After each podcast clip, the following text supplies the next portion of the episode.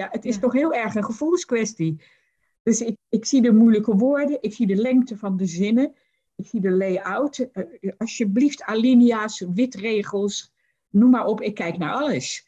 Ik, ik kreeg vandaag uh, met de mail de nieuwe voorwaarden bij mijn NS-document. Nou, als ik daar naar kijk, dan ben ik zelf ook laaggelet. Dan ga ik het echt niet allemaal lezen. Dus het is verschrikkelijk.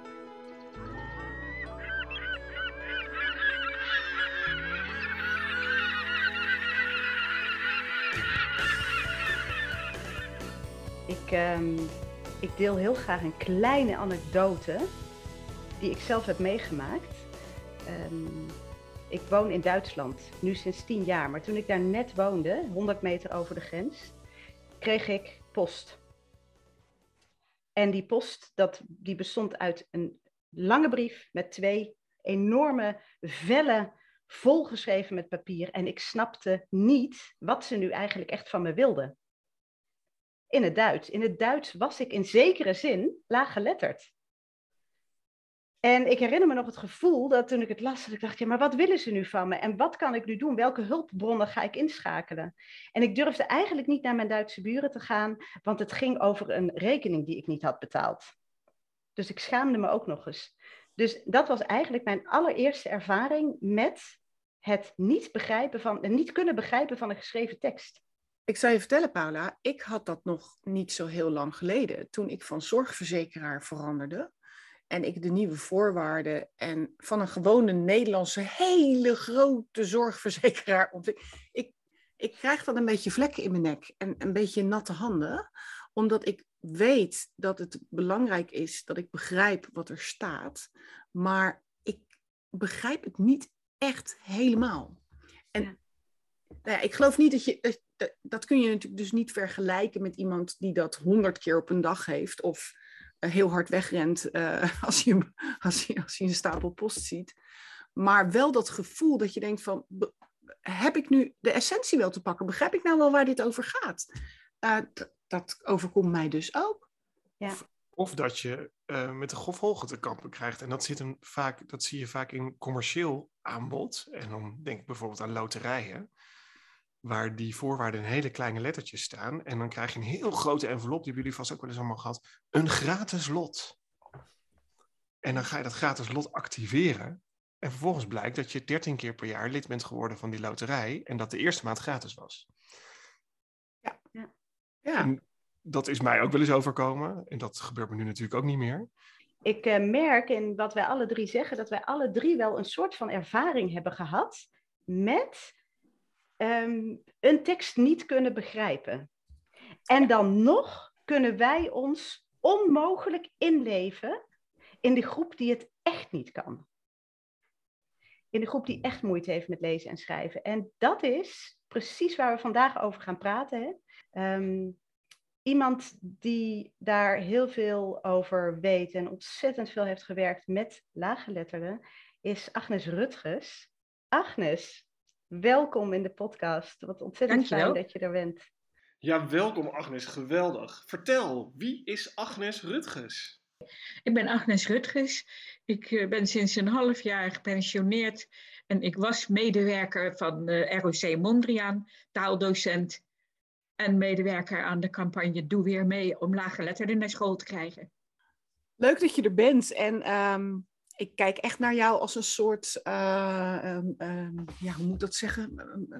Wezen van kennis, zeg maar. Ik denk, oh, hoe krijgen we de kans om te praten met iemand die zoveel ervaring heeft op dit vakgebied? Het is een vakgebied waar ik zelf ook een beetje in werk. Um, maar ik, ik ben heel erg benieuwd naar, ja, eigenlijk hoe wij als, als mensen die in, in communicatie werken, rekening kunnen houden met mensen die ja, laaggeletterd zijn. Wat, wat vind je eigenlijk van die term, Agnes, laaggeletterd? Vreselijk. Hmm. Ja, dat is, het is toch wat stigmatiserend.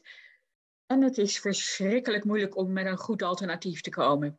Want eigenlijk, eigenlijk weet iedereen waar je het over hebt, ook de laaggeletterde zelf. En het lijkt soms wel alsof die er zelf minder moeite mee hebben het is dezelfde discussie als met theoretisch onderwijs en praktisch onderwijs. En, of praktisch opgeleid, wat is het? iedereen weet uiteindelijk toch wat of hoger ingeschat wordt en lager. Nou ja, ik vind het een vreselijke term, maar ik, nou ja, ik ruil hem heel graag in voor een beter. Ja, misschien, misschien bij deze meteen even een vraag aan, aan het publiek, als je een betere term hebt. Uh, heel, heel Nederland snakt ernaar. Um, over, over, over wie hebben we het eigenlijk? Jij hebt heel lang lesgegeven aan nou, laaggeletterden in Den Haag. Wie zaten er bij jou in de klas? Nou, ik, ik praat dan over een NT1-doelgroep. NT1 dat, moet, dat betekent, moeten we misschien even uitleggen, ja. Ja, NT1 betekent dat het Nederlands je eerste taal, dus je moedertaal is. En uh, daarbij reken ik ook uh, mensen die al als kind naar Nederland gekomen zijn. Dus als je in Nederland de basisschool hebt doorlopen, dan, uh, dan reken ik je gewoon als Nederlander. En dan kan je dus eventueel laaggeletterd zijn. En het zijn die mensen die qua taal onder het niveau van de basisschool zitten. Of net niet eindbasisschool. Dus het is niet dat, ze, dat dat mensen zijn die helemaal niet kunnen lezen en schrijven. Ze kunnen best wel iets, maar zo gauw het maar ietsje academischer of ambtelijker of formeler wordt, dan, eh, dan uh, zijn er problemen. En die mensen, nou die, die doelgroep, om het maar ook even vervelend te zeggen, die is heel divers. En uh, dat zijn mensen die gewoon lager, lager intelligent zijn, lager IQ hebben. Het zijn mensen die verschrikkelijk veel sociale pech hebben gehad in hun leven. Het zijn mensen met een handicap in de sfeer van dyslectisch tot aan uh, totaal gebrek aan concentratie. Eigenlijk is geen doelgroep zo uh, divers als de doelgroep laaggeletterden. Daarom is het ook wel moeilijk om daar uh, om daar één term voor te verzinnen die passend is voor iedereen. Ja. En als, als die doelgroep zo divers is, lijkt het me ook lastig om, om les te geven aan een klas. Dat is ook zo. Dat is ook zo. Um, sowieso uh, zeggen wij van iedereen moet de taal leren. Of je nou uit, um, net vers bent uit Syrië of uit Afghanistan. Iedereen moet de taal leren.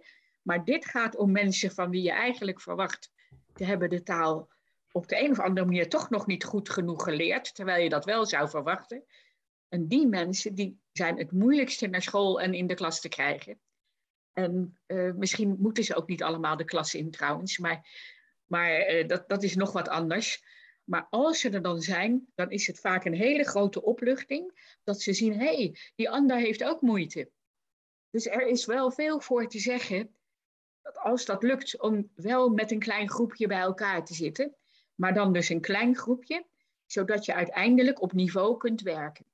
Dus heel gedifferentieerd, zeg ik even in. Uh, maar het is eigenlijk wel grappig. Het is eigenlijk wel grappig dat jij zegt dat mensen dan verbaasd zijn om iemand anders tegen te komen die er ook, ook moeite mee heeft. Terwijl het in Den Haag, ik geloof, over 25% van de bevolking gaat. En ik kan me voorstellen dat dat in Rotterdam en in Amsterdam net zo is. Tuurlijk. Het gaat dus over een heel groot deel van je inwoners. Ja, ja. maar mensen uh, ervaren zichzelf lang niet altijd als laaggeletterd. Ten slotte, uh, ik heb alleen met volwassenen te maken gehad. En ze hebben zich gewoon gered in het leven. Dat is eigenlijk al ontzettend knap. En, uh, met, met allerlei trucs en hulp. En ze hebben van zichzelf het gevoel, en echt voor een groot deel terecht, van ik ben niet gek, ik, ik kan gewoon mezelf redden. Dus ja, ze komen er niet uit zichzelf op om in de klas te gaan zitten, maar, maar ook niet wat ze dan wel diep in hun hart toch weten, van, dat, dat ze toch niet goed genoeg kunnen lezen en schrijven. Nou ja, hm. en dat herken je dan toch niet een ander zomaar. En hoe komen ze dan in de klas? Hoe komt het dat ze uiteindelijk les krijgen van jou? Ja, in de klas komen is een, een heel gebeuren. Er zijn sowieso meerdere triggers, meerdere momenten nodig voordat eindelijk die stap gezet wordt. Uh, het is van een ander horen, op persoonlijke manier.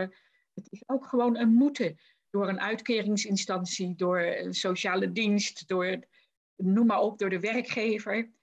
Uh, nou ja, ik, ik heb dus uh, jarenlang met taalambassadeurs, dus mensen die laaggeletterd zijn en die daarover willen vertellen, heb ik, eh, heb ik de verhalen gehoord van die mensen. Um, die met lood in de schoenen, maar omdat ze anders gekort zouden worden op de uitkering, in de klas zijn gekomen. En daarna verloop van tijd dus toch blij mee waren. Dus zo komen ze in de klas. Maar ook wordt er onderling uh, uh, geworven, om het maar zo te zeggen. Mensen die die weg gevonden hebben. En die, die spreken anderen ook aan. Die taalambassadeurs staan ook op markt. En wat wij met die campagne van Doe Weer Mee deden, is niet zozeer op straat gaan zoeken naar een lage letterde, want je herkent ze dus gewoon niet. Maar naar de, wat wij dan toen uh, toeleiders noemden toe te gaan. Dus inderdaad naar de loketten van uitkeringsinstanties, uh, naar de huisartsen, de apotheek, noem maar op. En daar steeds weer het verhaal vertellen. Wees alert, als mensen niet aan hun plichten voldoen, dan liggen ze niet per se dwars. Mogelijk zijn ze ook laaggeletterd. Ja. Als je, als je het hebt over zo'n groot aantal mensen in een stad, hè, en, en landelijk liggen die percentages weliswaar lager, maar dan hebben we het nog steeds over 10% uh, uh, gemiddeld in de Nederlandse gemeente.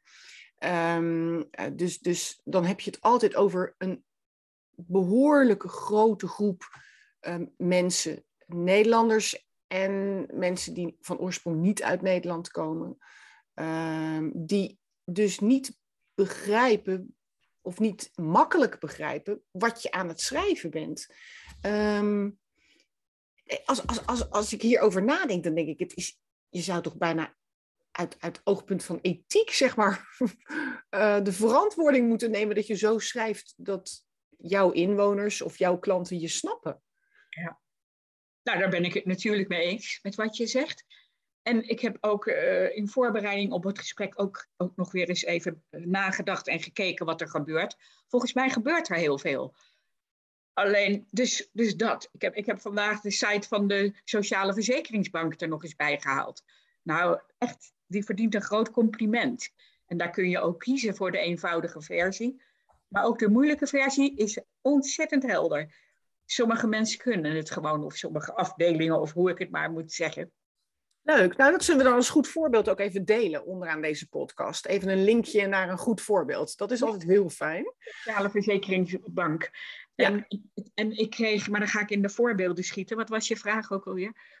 Nou nee, of, of, het misschien, of, of je het ergens niet verplicht bent als tekstschrijver. Uh, als je bij de overheid of een organisatie of instelling werkt. Of, of ook bij een bedrijf als je klanten wil bereiken. Sowieso, dat is Dat je ervoor zo. zorgt dat je goed communiceert. Of helder ja. communiceert. Daar ben je zeker verplicht, ja. Dat is ook zo. En het is natuurlijk een beetje van twee kanten. Want ook lage letterden mag hun niveau best wel wat uh, opgetild worden. En het hoeft niet allemaal Jip en Janneke taal te zijn. Maar ik vind wel van de schrijvers, daar, daar moet het meeste van verwacht worden. Daar moet een, een eerste stap doorgezet worden. Nou, nou heb jij jaren met die groep gewerkt. Hè? Jij stond voor die klasse. Als mensen eenmaal die uh, stap hadden gezet. Uh, dat is natuurlijk wel een bepaalde groep. Hè? Soms een beetje geduwd en soms uit zichzelf. Uh, maar, maar mensen die dan uiteindelijk zoiets hadden van, van... ik ga proberen om mijn niveau omhoog te krijgen. Um, maar dan kan ik me voorstellen, je kunt niet met volwassen mensen met, met kinderboeken gaan werken of zo, of met materiaal van de basisschool, toch? Hoe, hoe doe je dat? Wat voor materiaal gebruik je als je met mensen wilt gaan werken? Nou ja, er zijn overigens steeds meer materialen die ook met volwassenen rekening houden. En wat dat betreft is het voor het onderwijs een zegen dat het internet er gekomen is. Um, maar dan moet je toch, dan moet je dus betalen. Dus dan moet je wel via een, uh, dat betaalt de school of de gemeente, hè, of het wordt betaald. Um, maar dan moet je wel bij een erkende instelling uh, les gaan, gaan nemen, les gaan krijgen. En de bibliotheken hebben ook toegang tot die, uh, tot die materialen. Dus, ook van de Stichting Lezen en Schrijven bijvoorbeeld. Er is dus wel het een en ander steeds meer. Maar eigenlijk is het het mooiste als cursisten, zoals ik volwassen leerlingen noem. Het zijn geen studenten, maar cursisten in mijn ogen. De cursisten, dat ze zelf hun materiaal meebrengen. Dus ik heb een brief gehad, zo en zo. En dan kun je daar, daarmee aan de slag gaan ook. En verder ja, ja. wordt ook in het algemeen ook gewoon lesgegeven in heel basale grammatica-regels en dat soort dingen. Ja. je gebruikt dus in de lessen het liefste praktijkmateriaal. Dus iets wat iemand letterlijk in zijn brievenbus heeft gekregen. Ja. En daar wil je mee werken. Ja. Want dan pak je iemand precies, dan help je iemand ook precies met dat waar die tegenaan loopt. Ja. Goed, en ik hoorde je net ook zeggen dat je vindt dat de schrijvers, dat aan de schrijverskant, dat daar de meeste moeite gedaan moet, mag worden. Zou Hè? moeten, ja. Zou moeten worden. Als we die nu praktisch maken, wat kun je als schrijver dan doen om een NT-1er te bereiken? Om op zo'n manier te schrijven dat hij dat begrijpt. Of wat kun je, dus dat als schrijver, maar wat kun je ook als organisatie doen om die doelgroep te bereiken? Want ik kan me voorstellen dat je niet opeens al je teksten naar NT1-niveau kunt omschrijven. Dat is misschien ook niet de bedoeling. Hoe Nee. zie jij dit? Nou ja, kies vooral de teksten waarmee deze mensen in aanraking komen. Want gelukkig eh, kom je niet met alles eh, in aanraking wat, eh, wat vanuit een soort ambtelijk niveau komt. Ehm, maar wat eigenlijk het allerbeste is, is dat je je materiaal test. En dat je dus naar een ROC, een bibliotheek gaat en dat je het laat lezen. En dan komen er dus misverstanden tevoorschijn. Ja, dat is gewoon, dat is zo leuk. Dat, ja, leuk in een taalkundig opzicht. Het zou niet zo moeten zijn. Ja, Maar dat testen, dat is belangrijk. precies. Ik, ik ben eh, trainer Mhm. en ik leer dus die schrijvers om op een heldere manier te schrijven. En eh, ik hoor mezelf dan ook vaak zeggen, nou verplaats je in die doelgroep. en tegelijkertijd weet ik, hoe kun je je in vredesnaam verplaatsen in die doelgroep? Als je niemand in je buurt hebt, als je niemand kent die tot die doelgroep behoort. Nee, dat is ook zo. Dat is ook heel lastig. Dus ja, het taalhuis van de bibliotheek eh, is een ingang. Maar er is ook een landelijke eh, ja, belangenvereniging van taalambassadeurs, Stichting ABC. En die zitten dus overal door het land. En als je die eh, zou mailen of schrijven, dan zijn er altijd mensen die jouw materiaal willen bekijken. Mooi. Dus dat, ja. Mooi. Dus advies. tip. Ja? Ja, ik wou zeggen, Ja. dit is echt tip, een, een, een, een eh, hele mooie tip. We gaan tips opnemen onderaan de podcast ook, hè, van, voor die organisaties. Dus ga naar Stichting ABC, laat je materiaal testen. Ik hoor je ook zeggen, je hoeft dat niet met al je communicatie te doen, maar ga goed na welke communicatie komt bij deze doelgroep. Komt vooral bij deze doelgroep. En laten we zorgen dat die communicatie dan in ieder geval eh, getest is. ja. Maar je Ehm, kunt wel wat dingen bedenken. Je moet, hè, dus, dus ook, eh, maak geen lange zinnen. Gebruik geen beeldspraak, want dat wordt toch vaak net gemist. Ehm, gebruik geen moeilijke woorden. Vermijd drukke plekken. Wat is vermijden? Wat is druk? Ah, Wat is vermijden? En, dat, en, en nou vind ik dit wel een, eigenlijk een twijfelachtig voorbeeld. Dan vind ik ook dat diegene heel gauw zijn woordenschap moet uitbreiden. Dus dat, dus dat dat ook geleerd moet worden. Maar dat is al een moeilijk woord. Vermijd drukte. Dus ga weg van drukke plaatsen. Zo moet je het eigenlijk. Kom niet op, op plaatsen met veel mensen. Ja. Ja, dat soort dingen. Ja. Ja. Maar Ehm, het zit hem niet alleen in de moeilijke woorden. Het zit hem ook in heel de, ja, ik noem het maar kennis van de wereld. is geloof ik een, een basisschoolbegrip. Maar wij hebben eh, posters behandeld van de gemeente Den Haag om te kijken of we die snapten. En dat ging over coronamaatregelen. En dan is er dus een van de afbeeldingen en tips, koop lokaal. En dan is natuurlijk lokaal, is, een, is dat een klaslokaal, dus dat is het woord. Maar wat dan daarna ook gebeurt, want het ging over Scheveningen. Het ging over eh, hoe je je op Scheveningen zou moeten gedragen, zeg maar. En toen zeiden ze, ja, maar op Scheveningen is alles zo duur. Ik wil gewoon mijn eigen broodje meenemen. En dan wordt er dus niet begrepen dat het geen bevel is. En dat noem ik even kennis van de wereld, of dat het geen voorschrift is.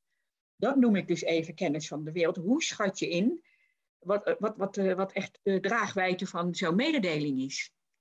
En dat is, nou ja, dat is zo moeilijk in te schatten. Dat zijn de dingen waarover je moet praten. Precies. Ja, en dat is dus ook iets wat je niet achter je laptop met je, eh, je eh, gewoon niet. speciale programmaatje dat moeilijke woorden filtert. Dat kun je niet bedenken. Nee, dat kun je Eh, gewoon niet. dat kun je alleen maar testen. En dat is dan in het moment van testen heel grappig. We hebben een taalambassadeur die dan eh, iets niet begrijpt en die zegt, al leg je me neer. Weet je, al leg je me neer, ik weet het niet. Nou, ik- daar word je gewoon heel vrolijk van. Ja. Is niet echt uh, ja, inhoudelijk misschien, maar dan Nou, maar misschien even weer dat het echt zo is. Ik vind het wel, ik vind het wel uh, um, belangrijk dat je, dat je dat ook zo onderstreept. Want, want volgens mij is, is het verbeteren van teksten, uh, dat wordt heel vaak gezien als een opgave, als lastig, als extra werk, uh, bovenop het uh, toch al uh, drukke takenpakket. Maar het werken met taal en taal eenvoudiger maken is volgens mij ook gewoon heel erg leuk. Ja, en dat ga ik zeggen. Ik ben dus sinds een halfjaartje met pensioen. En ik heb mij al aan de gemeente Den Haag in de persoon van Lodewijk aangeboden dat ik op dat vlak heel erg graag blijf helpen. Want het is inderdaad een hele leuke sport om teksten te vereenvoudigen. En dat dan toch de boodschap goed blijft staan. Dus uh, ja, ik vind dat heel, uh, heel leuk. Mooi, want dat doe jij dus ook. Jij redigeert teksten. Nou, of, we kregen of... ook vaak verzoeken die dan op een heel korte termijn moesten. En dan, dan kon ik dat echt niet allemaal organiseren om dan weer die taalambassadeurs erbij of, of een klas erbij. En dan zei ik van nou, het lukt even niet, maar ik schrijf even mijn eigen commentaar. En dat was, dat was uh, om, omdat ik met, uh, wel wat beter in kan leven in de mensen. Ja, ja. Omdat je, hoe lang heb je met ze gewerkt? Ja, jeetje, ik heb heel lang in deze tak van onderwijs gewerkt. Nou, zeg maar twintig jaar. Ik, ik Ja. roep even wat. In die orde. Nou, dan mag je zeggen dat je ze kent, ja. Ja. Ja. Maar Nog- dan nog- nog is iedereen heel verschillend. En dan kan ik het nooit helemaal voorspellen wat voor problemen er eh, tevoorschijn komen. Dus jij herschrijft ook teksten. Ja, dat klopt. Ehm, nog niet in eh, heel productieve mate trouwens hoor. Maar ehm, ik, ik kan me wel erg indenken hoe dit overkomt op, eh, eh, op, op, als ik mijn cursisten voor ogen hou. En ehm, ik zit even te denken van hoe doe ik dat? Ja, het is Ja. toch heel erg een gevoelskwestie. Dus ik, ik zie de moeilijke woorden, ik zie de lengte van de zinnen, ik zie de layout. Alsjeblieft, alinea's, witregels, noem maar op, ik kijk naar alles.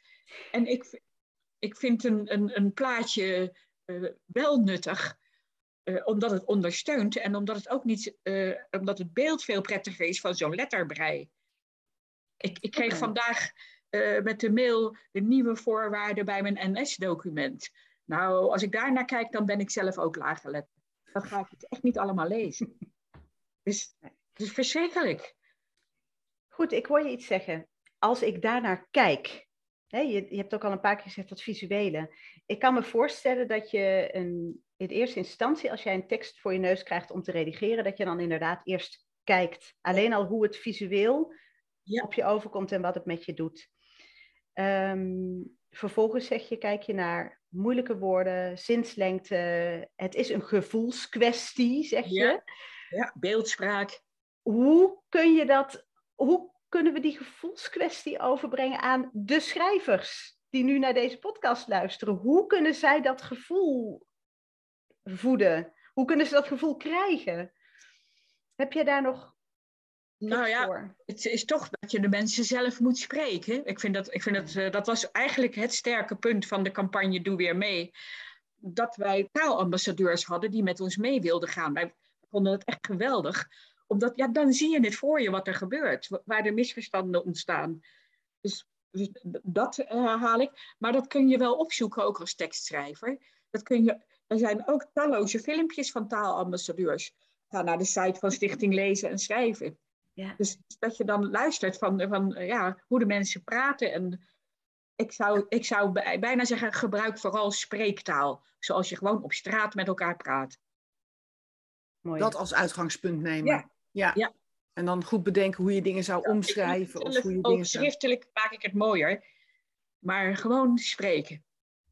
Schriftelijk maak je het mooier, maar dat zou je dus eigenlijk niet moeten doen. Nee, precies. Nou, oké. Nee, maar dat is waar je het op na moet kijken ook. Ja. Maar ik wou zeggen, dat doe ik zelf dus ook. en lees jij het dan hardop?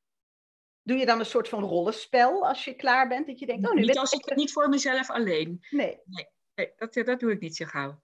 Dat is misschien wel een idee. ja, ik vind het wel een mooie tip eh, die zegt, kijk, ehm, ja, ga alsjeblieft in gesprek met, de, met, deze, met deze doelgroep, hoe divers die ook is. Maar als dat, dat kan niet altijd en dat kan een luisteraar niet nu meteen doen. Dus wat we gaan doen, in, hè, onderaan deze eh, podcast op de pagina gaan we ook linkjes plaatsen. Want ik weet dat er prachtige video's zijn die ook veel inzichten geven.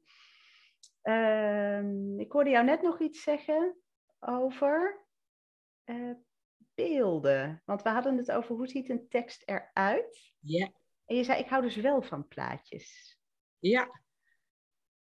Ja, Wat terwijl... zijn jouw ervaringen met pictogrammen, met beeldtaal, eh, vanuit de testgroepen die jij hebt begeleid? Nou, het maakt in ieder geval dat het niet zo ontmoedigend is. Eh, ik bedoel, ik ken cursisten en taalambassadeurs die als ze echt zo'n vreselijke brief krijgen à la de voorwaarden van de NS van vijf pagina's, dat gooien ze echt weg. Dat, oh, dat, dit gaat niet, weg ermee. Dus als het al, en daarom vond ik ook weer de site van de Sociale Verzekeringsbank zo'n verademing. Alleen al hoe het eruit ziet. Geweldig vind ik dat. De rust. En, eh, daarom zijn de meeste websites niet geschikt voor laaggeletterden. Want het knippert aan alle kanten. Wat, wat, wat ik wel interessant vind, want, want jullie hebben ook naar corona-communicatie gekeken. Hè? Ehm, en, en sinds corona eigenlijk eh, is het nou ja, wat meer geaccepteerd wellicht dat je ehm, ook moet communiceren met mensen die je in eerste instantie niet bereikt. Hè? We hebben de doventolk eh, werd ineens een ehm, algemeen geaccepteerd eh, fenomeen op, op televisie. Eh, we hebben dat in heel veel communicatie gezien, overheidscommunicatie over corona, steeds weer over die nieuwe regels die dan ook in twintig talen verschijnen en met heel veel plaatjes. Ehm, en nu is er onderzoek gedaan door de Taalunie en de Universiteit van Utrecht onlangs. En ja, dan blijkt dat, dat je niet zomaar ieder plaatje moet gebruiken in ieder geval, want Ook ze dat. zijn niet allemaal even duidelijk. Ja, daar wil ik wel op reageren. Eh, onze taalambassadeurs hebben meegedaan met eh, het inrichten van de digitale, eh, van, een, van loketten van de digitale overheid. Informatie, digitale overheid. En in, het ging niet om de inhoudelijke vulling, maar hoe ziet zo'n loket in een bibliotheek of in een buurthuis, hoe ziet zo'n loket eruit? En hoe word je daar naartoe geleid? En welk pictogram snap je? Wat kan je daar halen? En, ehm, dat, dat was een ontzettend goede campagne, landelijk dus. Eh, en daar, eh, we zijn nog naar Limburg geweest en met de staatssecretaris Knops toen dat eh, allemaal gelanceerd werd. Geweldig. En eh, vanuit Den Haag dus. Eh, maar toen, toen waren onze taalambassadeurs zo trots dat ze het gevoel hadden dat zij die punten hadden gemaakt. Dus zij worden ook serieus genomen. Ze worden ook serieus genomen als je hun een tekst voorlegt.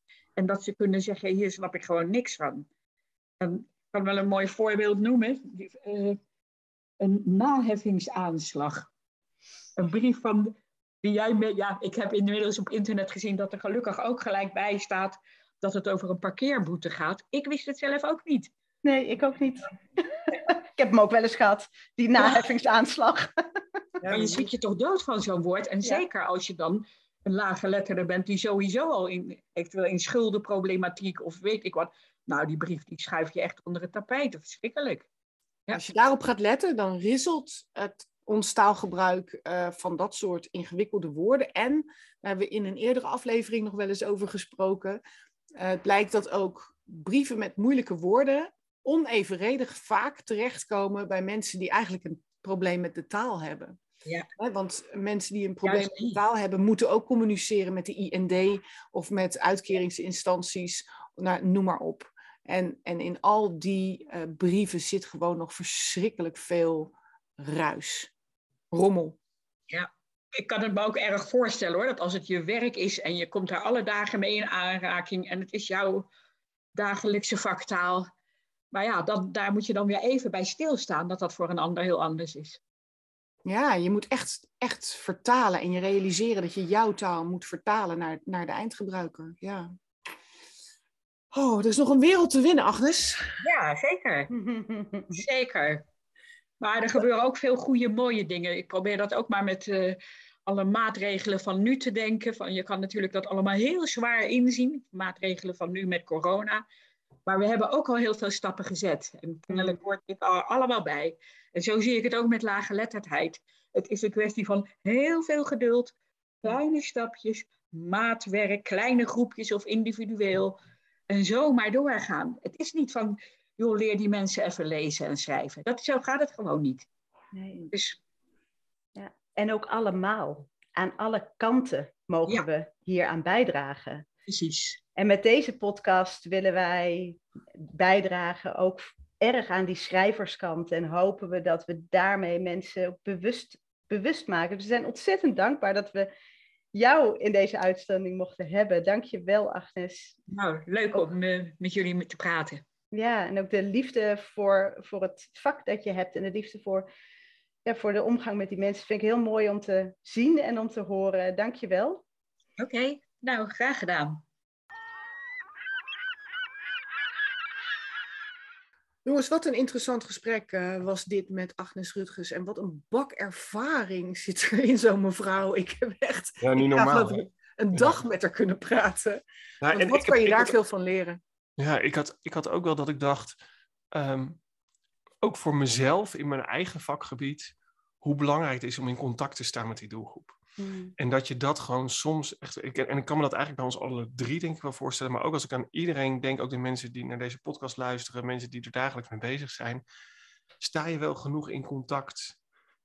En heb je echt wel door over wie je het hebt? Weet je, ik vind dat echt iets wat ik. Ja. Ik roep het wel vaker, maar dat ik ook denk, het is voor mezelf ook alweer van, oh ja, niet altijd denken, ik kan wel even die tekst maken of oh, ik maak wel even iets heel duidelijk. Maar dat, dat teststapje, wat zij echt al een paar keer al benadrukte, uh, en dat je ook moet kijken, waar, waar vind ik die mensen dan? Nou, die vind je misschien zelfs wel bij jou, Sanne, in de bibliotheek. Of, uh, we hebben een paar mooie tips gekregen. Ik vind dat uh, super waardevol. En ja, wat je zegt, al die ervaring, niet normaal. Ja. Nou, ja. en wat ik, wat ik heel erg interessant vind is, um, eigenlijk is het gewoon ken je klant. En dat is iets wat we in het bedrijfsleven uh, natuurlijk heel goed kennen. Natuurlijk wil je weten wat jouw klanten verwachten voor innovatie van je bedrijf. Of wat jouw klanten verwachten voor kleur cadeaupapier met, uh, met de feestdagen. Um, ondernemers zijn enorm gewend om te denken aan hun klant. Uh, en dat zou eigenlijk tekstschrijvers ook wel ja. meer en meer mogen doen, denk ik. Wij, ja. mijn, mijn, mijn vak was natuurlijk altijd journalistiek. En, en ook als je presentator bent, is het heel erg belangrijk uh, dat je je realiseert tegen wie je nu eigenlijk praat. En dat dat niet mensen zijn die je verzonnen hebt, maar dat dat de mensen zijn die je op straat tegenkomt en waar je mee in gesprek gaat over je programma of over uh, dat wat ze gezien hebben. Ja, en dat vind ik, jij zegt nu iets super interessants. Sorry dat ik je onderbreek, maar de, je zegt uh, dat het niet mensen zijn die je verzonnen hebt, omdat je toch, wat je heel vaak ziet bij bedrijven, bij organisaties, bij over, dan gaan mensen persona's maken. Ja. En die gaan wij dan bedenken. Dus wij gaan die persona's bedenken. Dus dat zijn geen echte mensen. en dan zeggen we nou, wij hebben... De marketingafdeling, hè? De marketingafdeling. En dat zijn dus wannabes. Dat zijn dus mensen die je zou willen hebben als klant. Precies. Dat is dus niet wat ik bedoel. Nee, en dat vind ik dus, en wat ik, maar wat ik wel interessant vind, ook aan wat je zegt, ja, niet dat je de rest niet interessant vindt. nou, nou lekker die nadruk, Lodewijk. Oh, misschien mag ik volgende keer weer meedoen. nee, wat ik heel interessant wat ik dus heel interessant vind aan wat jij zegt, is dat het voor heel veel bedrijven heel vanzelfsprekend is om continu te monitoren, continu onderzoek te doen. En dat eigenlijk die groepen waar wij het steeds over hebben in onze podcast, en dit is volgens mij de tiende, dus we hebben het er al tien keer over gehad. Um, um, nee, maar waar wij het over hebben in onze podcast, dat daar dat onderzoek helemaal niet zo vanzelfsprekend is. En als ik nou hoor wat Agnes zegt, dan denk ik, ja, dat, zij deed niet anders. Ja, exact. Zat ja. midden in de doelgroep en daar kunnen we van leren. Dus het onderzoek doen naar, ja, inderdaad, kleurpakpapier en wat voor relatiecadeautje en welke, welke geur je moet ruiken abonnement. en, ja, ja, en wat we nu weer voor uh, duurzaam stickertje plakken op de chocoladeletter, hè, bij wijze van spreken. Ah, die zijn al op dit jaar uh, nog wel buikpijn van. Maar, nee, maar dat, dat, daar zit verschrikkelijk veel marktonderzoek in. En eigenlijk zou je dat marktonderzoek dus net zo goed kunnen loslaten op je teksten. Exact. Um, en ik denk dat dat, dat echt echt nog onontgonnen terrein is. Het gebeurt dus wel. Uh, dat horen we gelukkig van Agnes. Um, Maar het, is, het kan nog veel beter. Ja, en die taalambassadeurs die zijn echt geweldig. Ik heb er laatst een paar gesproken. En ik werd daar zo blij van dat die op tafel leggen. Precies die vreugde die Agnes ook laat zien van hoe leuk dit werk is. Ehm, dus ik ga zeker ook de link plaatsen over uh, Stichting ABC en hoe je in contact kunt komen met die taalambassadeurs. Want ik weet zeker dat heel veel luisteraars, heel veel organisaties daar blij van worden ook. Ja, en als je zoekt op de term taalambassadeur op YouTube, komen er ook heel veel filmpjes omhoog. Want ook uh, heeft bijvoorbeeld filmpjes gemaakt met taalambassadeurs als het gaat over de gezondheidszorg. Er, zijn, er is al best veel materiaal. En um, dat vind je dus door de term taalambassadeur in te tikken op YouTube. En dat is gewoon ja, heel erg interessant. Jongens, we hebben weer een jaar volgepraat. Zo, echt waar. Ja, ik, uh, ik denk dat er nog genoeg is om over te praten. Maar ik kan me wel voorstellen dat als je nu een aantal afleveringen van onze podcast hebt geluisterd, dat je denkt, uh, waarom hebben jullie het nog niet over, nou ja, die of die branche gehad? Of waarom hebben jullie het nog niet over zus of zo gehad? Of in mijn vakgebied is het onmogelijk om helder te schrijven? Neem dan eens contact met ons op, want uh, we gaan de uit uitdaging graag aan, denk ik. Ja. Ja, dat was een mooi einde. Ja, vond ik ook. Dan zeg, dan zeg ik alleen nog maar tot volgende keer. Misschien Ja. is het nog leuk om even aan het einde allemaal dag te zeggen, want dat was een beetje raar. En jij zei wel dag. Ja, Komt-ie. Dag. doei. Dag!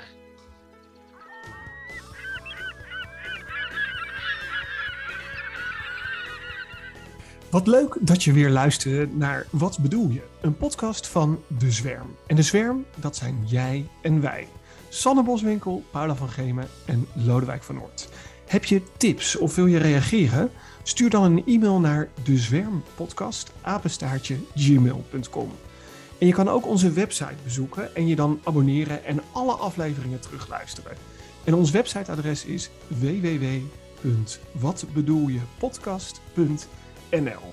Je kan ons ook vinden op LinkedIn en natuurlijk kan je gewoon lekker luisteren via Apple en Spotify. Tot de volgende keer.